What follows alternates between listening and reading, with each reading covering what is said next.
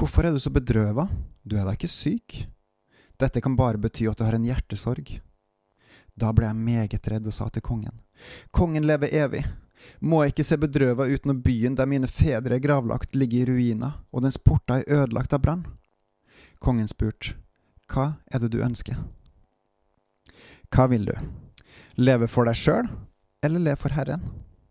Velkommen til dagens Gud i sentrum av meg, Håkon Winnem. Hva er det du ønsker? Det er et viktig spørsmål, for det er så lett å fortsette i samme spor som alltid. Det er så menneskelig å bare gjøre det man alltid gjør, og at man har så mye som skjer i hverdagen at man ikke har tid til å tenke på andre ting. Men det er også viktig å stoppe opp. Hva er egentlig meninga med livet? Hva er viktig? Hva ønsker jeg egentlig? Og svaret er selvfølgelig å følge Gud. I Salmos ordspråk og salmene så står det en plass at frykten for Herren er begynnelsen til visdom. Hva betyr det for noe? Kanskje det er litt enklere å forstå eh, hvis jeg forteller om min egen oppvekst, fordi personlig så kjenner jeg ikke på en sånn stor frykt for Gud, men samtidig så har jeg en form for frykt. Eh, jeg vet at når jeg var liten, så var ikke jeg verdens snilleste unge. Jeg var Jeg likte ablegøyer. Ikke for jeg er kjip og vond, eh, slem mot noen, men jeg likte å ha det gøy. Og jeg skjønte ikke at det gikk utover andre folk. Eh, og det var nok en del ganger hvor mine foreldre måtte irettesette meg og hjelpe meg til å forstå konsekvensene av det jeg gjør, og få meg til å slutte med visse ting. F.eks. når jeg hadde kasta snøball eh, igjen på barneskolen i et friminutt og hadde fått sendt en melding med hjem. Så tok mamma meg opp i fanget sitt, og så eh, var jeg veldig sånn flau og tenkte at dette var skikkelig kjipt. Og så var jeg ikke redd for det mamma skulle gjøre, men samtidig så var det en frykt der som gjorde at jeg hørte på mamma og jeg slutta å kaste snøball, i hvert fall den nærmeste tida, eh, i det, da. Så det er en slags frykt som Jeg er ikke redd for konsekvensene, sjøl om det, det, nok kunne komme veldig alvorlige konsekvenser hvis man gjør noe veldig, veldig galt. Men allikevel så er det også en kjærlighet inni der. Det er en kjærlighet som viser at dette er veien å gå, og jeg ønsker deg ditt beste. Følg med. Og jeg tror at det, er det samme med, er, er med frykten for Herren. At vi rett og slett skal følge det Gud sier, også når vi ikke er enig. Fordi jeg tror rett og slett at når Jesus sier at vi skal tro på han og holde hans ord, så må ikke vi stille spørsmålstegn med det som han har sagt. Enten man er uenig eller ikke, enten man er enig eller ikke, så skal vi følge Herren. Ja, men det står så mye, står så mye i Bibelen, og hvordan kan man vite om alt det er sant? Hvem er du, lille menneske, til å stille spørsmålstegn med det Gud har sagt? Han som står utenfor tid, rom og materie, han som har skapt alt og alle, han som er før alt og alle. Han har gitt oss vitenskapen, han har gitt oss kjærligheten, han har gitt oss livet. Og så stiller vi spørsmålstegn om han virkelig har sagt dette? Nei. Omvend deg. Følg det Gud har sagt. Ikke la småting, eh, avsporinger, gjøre til at du stiller hele eh, Bibelen under spørsmålstegn. Ikke still spørsmålstegn med Paulus, for da stiller du spørsmålstegn med det Jesus har sagt, og gjør du det, så stiller du spørsmål med Gud, om han virkelig har sendt oss Jesus og frelst oss. Omvend deg hvis du har gått i den retninga, før det er for seint, for du kan gå fortapt. Og samtidig, Guds kjærlighet den er så stor og god allmektig at det han sier, det er rett og slett for det beste for oss. På samme måte som mor mi fikk meg til å slutte med å kaste snøball. Hun ville det beste for meg, og Gud vil det beste for, for oss, og han veit hva som er det beste. Så følg han. Og syns du det er vanskelig å vite hva Gud har sagt, ja, men så gjør noe med det. Les Bibelen.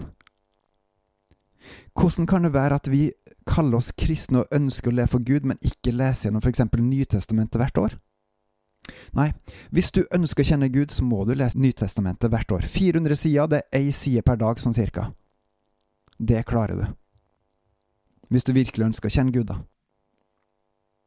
Jesus han ga oss to bud. Vi skal tro på Han, og vi skal elske vår neste. Vi skal elske våre brødre. Å elske Gud er altså det første og største budet. Eh, fordi Gud han har skapt og gitt oss absolutt alt, og han vet hva som er det gode. Og å kjenne Han, det er det evige liv. Så ønsker du å elske eh, Gud, ønsker du å følge Jesus, så vær med Gud. Hver dag. Vis han at du er interessert i å bli kjent med han. Det er faktisk viktigere enn alt det som skjer i hverdagen. Og Han har også sagt at vi skal elske vår neste, og det her er jo ikke en menneskelig kjærlighet, men det er en kjærlighet som gir. Eh, det er den kjærligheten som Gud gir oss.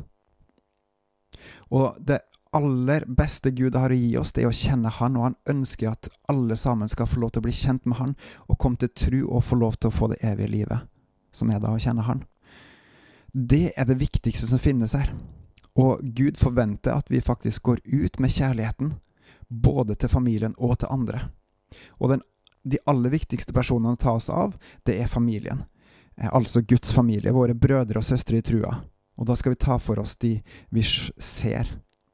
Familien er rett og slett viktigere enn hverdagsting. Skjer det noe alvorlig i familien, så legger man jo jobb til side og andre ting. Og nå er portene eh, nedbrent, og murene er nedrevet. Familien sliter. Og spørsmålet er hva gjør du for familien? Det handler ikke om å gå på møter eh, verken én eller 50 ganger i året, men det handler om levd liv.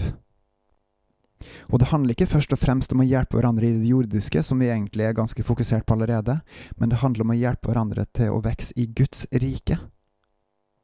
Så elsk Gud, vær med Han, hva vil det si? Hvordan kan man gjøre det? Jo, du kan snakke med Han. Du kan rett og slett eh, si hei, god morgen, god natt til han. Du kan eh, ta kontakt med han gjennom dagen, og du kan bare fortelle han om ting som skjer, og du kan involvere han i ting som er, er opptar deg i hverdagen, eller ting du skal på. Og også be han om råd i det du skal gjøre. Videre så kan du også lese i Bibelen. Og pass på å ikke gjøre det alene, men gjør det med han. Inviter Den hellige ånd til å forklare deg hva som står der. Og du kan også lytte til Den hellige ånd, som både bor og virker i deg. Han kan rett og slett veilede deg og hjelpe deg til å vokse i helliggjørelsen, og også vise deg ting som han eh, ønsker at skal skje for hans rikes vekst. Andre mennesker som trenger støtte, hjelp, eller eh, for å utfordre noen, eller for å vokse sammen, eller for at til og med han vil at du skal vokse. Og elske sine brødre er jo også da på lik måte å være med dem. Og hvis du ønsker å hjelpe eh, hverandre med å vokse i Guds rike, så handler det om å snakke med hverandre, med våre brødre, spesielt om livet med Gud.